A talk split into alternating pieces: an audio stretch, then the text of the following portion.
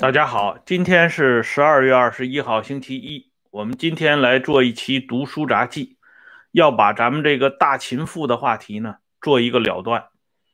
昨天大秦赋的读书札记结尾处提到一个小小的包袱，那就是大秦王朝和大清王朝，他们之间有什么样的关系，或者叫有什么样的传承程序。为什么讲这大清朝是大秦朝的孪生兄弟？这里边呢，我们就要追本溯源，给大家说一下这两个王朝的起源之处。我们以前的节目里专门提到过楚国的来源啊，楚国还真的是三皇五帝的后代。嗯，所以当时北方这些封建诸侯们。管楚国称人家是蛮子国，这种称呼实际上是不够准确的。人家楚国还真是有一点贵族的根基，反倒是这个大秦朝啊，他的出身就比较可疑。有史以来对他进行的考证，就是秦是一个典型的游牧民族。可是秦国他自己呢？却把自己吹嘘成为老天爷降恩给他的恩赐，所以他的出现一直传，一直传有这种巨大的神秘的色彩。比如说，大家都知道的秦国的祖先是叫一个叫简狄的，这个人呢是吞玄鸟蛋而有孕。就是说，天上有一只号称叫玄鸟的啊，下的这么一个蛋，让这叫简狄的秦国的祖宗给吞掉了。吞了以后，就开始繁衍生育，于是后边就有了大秦国。这种说法或者叫这种传说，我们只要回顾一下大清王朝的诞育，或者叫满洲的诞育。就也很清楚，是异曲同工。嗯，这个满族的祖先叫布库里雍顺，他的亲妈叫福库伦。这福库伦三姐妹在河里洗澡，啊，就有一个珠果掉了下来，就被这福库伦给吞吃了。吞吃以后啊，也神奇的怀孕了，于是呢，就有了满洲的繁衍。这两者是源同一处。那么，如果仅说啊，这个传说上有相似的、相似的地方，就把这两个王朝列为孪生兄弟，这种论断未免太过武断。那么，根据历史研究者的考证，大秦王朝和大清王朝从民族属性上来讲，它是原出一流。这里呢，我们先给大家说一点刚才说到的玄鸟，这个玄鸟是什么概念呢？据历史学者啊，历史学者考证，这玄鸟其实就是燕子。所以历史学家认为，秦国的嬴姓啊，秦国的君主不是姓嬴吗？嬴政啊，他这个嬴。实际上是燕子的燕同音。有一位著名的学者叫刘杰，他就说燕和嬴实为同类双生啊。即使是在西晋时代，那个平定东吴的著名高级将领。杜预这老人家呢，也做过类似的考证，所以这个北方燕姓或者叫燕，以燕为国号的这个国家，始终是中国历史上一个非常有意思的出现。到了明成祖起起反之际，民间有过一个传说，叫墨竹燕，竹燕燕高飞，高飞上帝基。后来呢，燕王啊，果然靖难起兵之后，做了天下。而燕王身上有一个燕字，接下来，嗯，这个满洲身上也有一个燕字，满洲入北京，燕人住燕京，啊，当然这些呢都是因循附会之说，都是根据历史最终的结果啊来推断出来的。这些呢还不足以说明大秦王朝和大清王朝原出一流。不过这里这个燕啊，确实在中国历史上是很神奇的一个。那么接下来我们就要用历史学者的具体考证来说明问题。秦国我们都知道，它是在西边。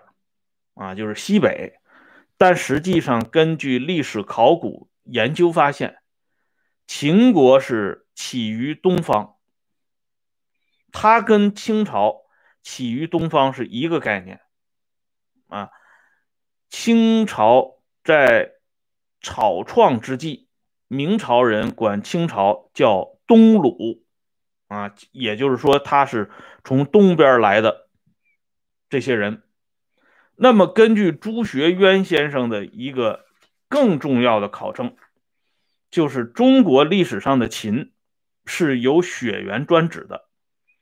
统一中国的西秦部落嬴姓，实际上也就是金姓，姓金的，也就是西北地区的通古斯民族，即爱新部落。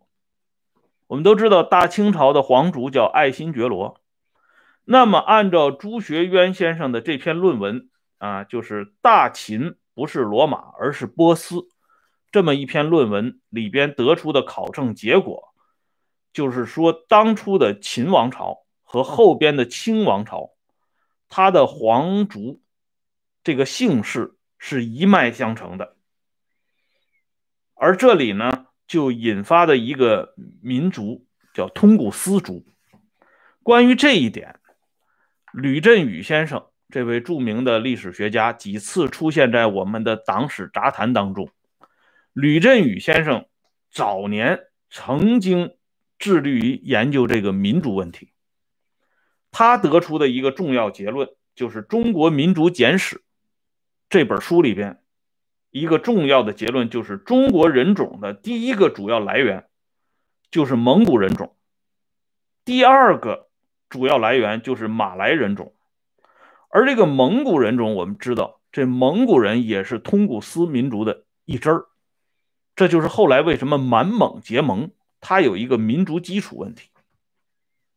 哎，由这个通古斯族的这个说法，朱学渊先生进一步啊引证出来一个重要的特点，他还引证了。希腊的历史学家希罗多德的著作，嗯，这里呢，他举一个最简单的例子，比如说满族和蒙古族，他们起的一些名字都是非常相似的。比如说阿济格这个名字，我们都知道，清朝初年有一个著名的开国功臣，就是和硕英亲王阿济格。他是努尔哈赤的儿子，这个阿济格在满语当中是“小”的意思，啊，确实是小儿子的意思意思。而阿济格包括阿巴嘎还有马扎尔这些呢，都是来自于通古斯语的满族和蒙古族两个民族常见的男子的名字。而这些人常见的名字，同时又出现在古代的波斯帝国当中。换句话说，这通古斯族不仅涵盖了中国的大秦王朝，大清王朝，它跟古代的波斯帝国，也就是今天的东阿塞拜疆这些地区的人，也是一脉相承的。啊，说白了呢，大家也是一母同胞。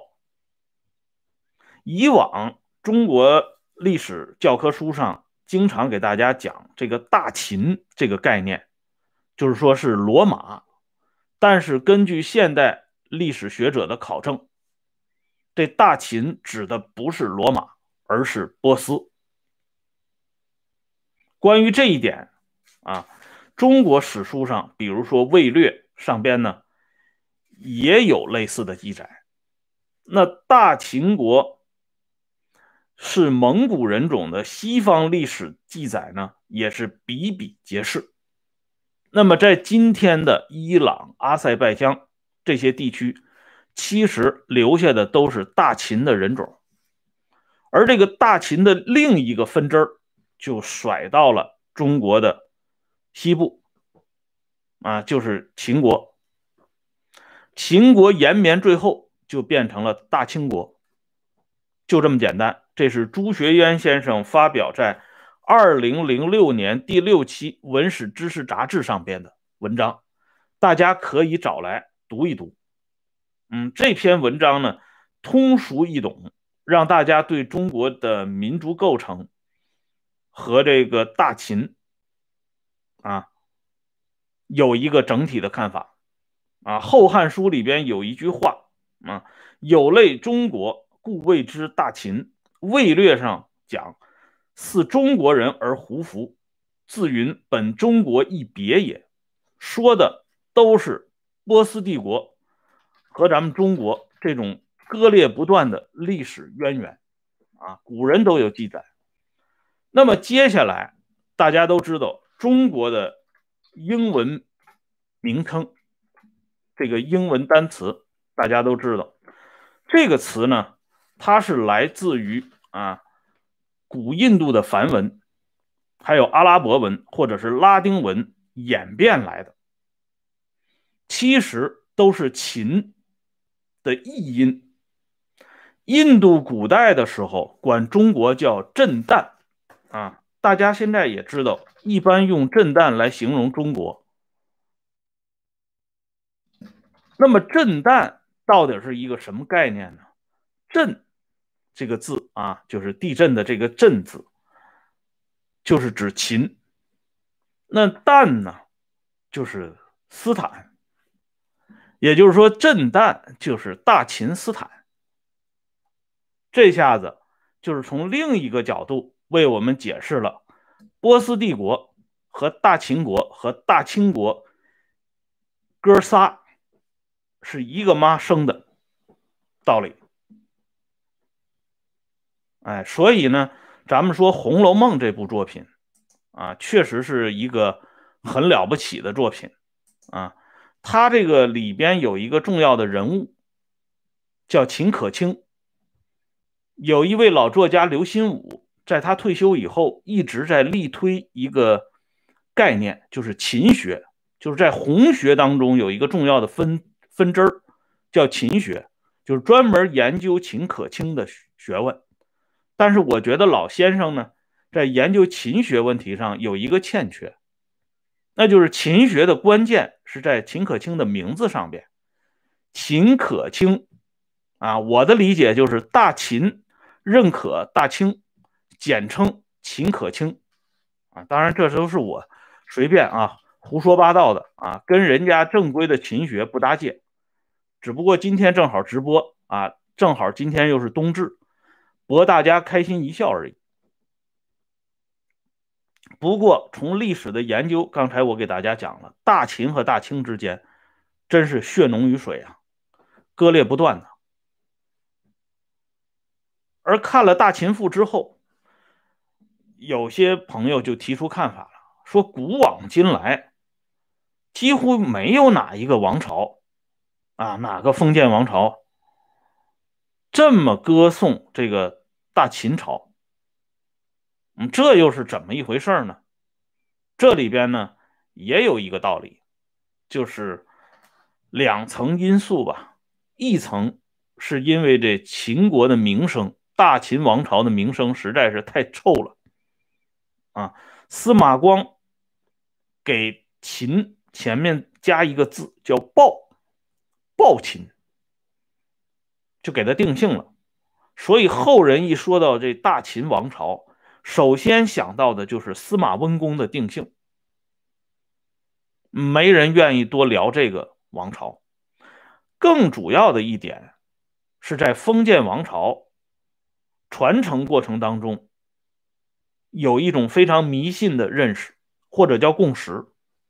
我们知道，这封建皇帝是天底下最迷信的，也难怪他迷信，因为皇帝承载的内容太多了。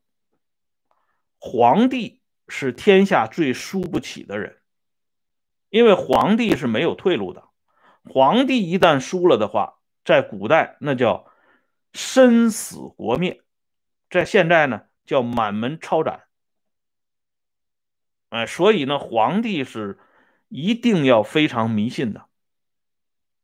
历朝历代的皇帝没有夸这个大秦王朝的，没有谁夸嬴政的，也是源自于这种共识。什么共识？就是大秦王朝虽然统一天下，可是两代而亡，盛极而衰，这个现实谁也不敢回避。秦始皇嬴政活着的时候，有三条最有名的谣言传的最凶。第一个是“亡秦者胡也”，第二个。楚虽三户，亡秦必楚。第三个，祖龙死而地分，这都是在嬴政活着的时候就已经广泛的传播了的。而嬴政虽然少平六合，可是他为了这三条谣言，却是战战兢兢、惶恐不安。他的马不停蹄的、风尘仆仆的。甚至是玩命的这种巡视，都跟这三条谣言有直接的关系。亡秦者胡也。嬴政调发大量的民工，甚至是囚徒，去修建万里长城，抵御匈奴人。亡秦必楚啊，他呢主要在东南地区进行巡视。主龙死而地分，那么嬴政呢就追求长生不老，所以他始终是在极度的惶恐和焦虑当中。在他最后的十年里边，他反复应对的就是这三条谣言。然而可怕的是，不管嬴政使出什么样的浑身解数，这三条谣言居然都来了，而且都变成真的了。亡秦者胡也，虽然没有应在匈奴人身上，可是应在嬴政的宝贝儿子胡亥身上。啊，亡秦必楚，这就不用说了。刘邦、项羽、陈胜、吴广都是楚人。那么主龙死而地分，就更不用说了。嬴政前脚走，后脚天下就乱套了。所以这样一个王朝。最后，他的谣言都变成现实了的王朝，你想想后边的皇帝，谁敢夸他呀？那也别说有一个敢夸的，那就是汉武帝刘彻。刘彻是处处学这个秦始皇啊，可是呢，他的结局是什么呢？司马光对汉武帝有一个总体的评价。孝武穷奢极欲，繁行重敛，巡游无度，使百姓疲弊，岂为盗贼？其所以异于秦始皇者，无极矣。就是说，他跟秦始皇没啥区别了。然秦以之亡，汉以之兴者，孝武晚而改过，故托得人，此其所以有亡秦之师。而免亡秦之祸，这是后边司马光有一个补充：汉武帝晚年的轮台思过，紧急的踩了刹车，所以让这个汉王朝虽然到了悬崖的边缘，却没有最终一下子滑落下去，跟这个秦王朝一样两代而亡。啊，所以呢，司马光有这种说法，就是有亡秦之师而免亡秦之祸。从这个例子里边，后边的皇帝也都学乖了。汉武帝学了一回嬴政，他的结果是儿子孙子都让自己给灭了，天下差一点在他手中就完蛋了。因此，后边的皇帝那是绝不敢夸赞这个嬴政的。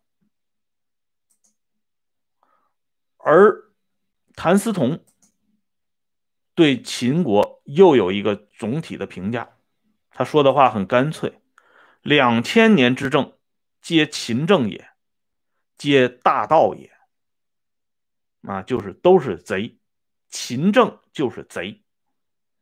哎，有了这个判断，后边人想夸他都难。有人夸贼吗？那只有贼才会夸贼，甚至不如贼的人才会仰慕贼。这也是一个常识。好了，今天呢，咱们终于把这个《大秦赋》这个电视剧引发的一段历史的往事告一段落了。感谢朋友们上来收看和支持，谢谢大家，咱们明天接着聊，再见。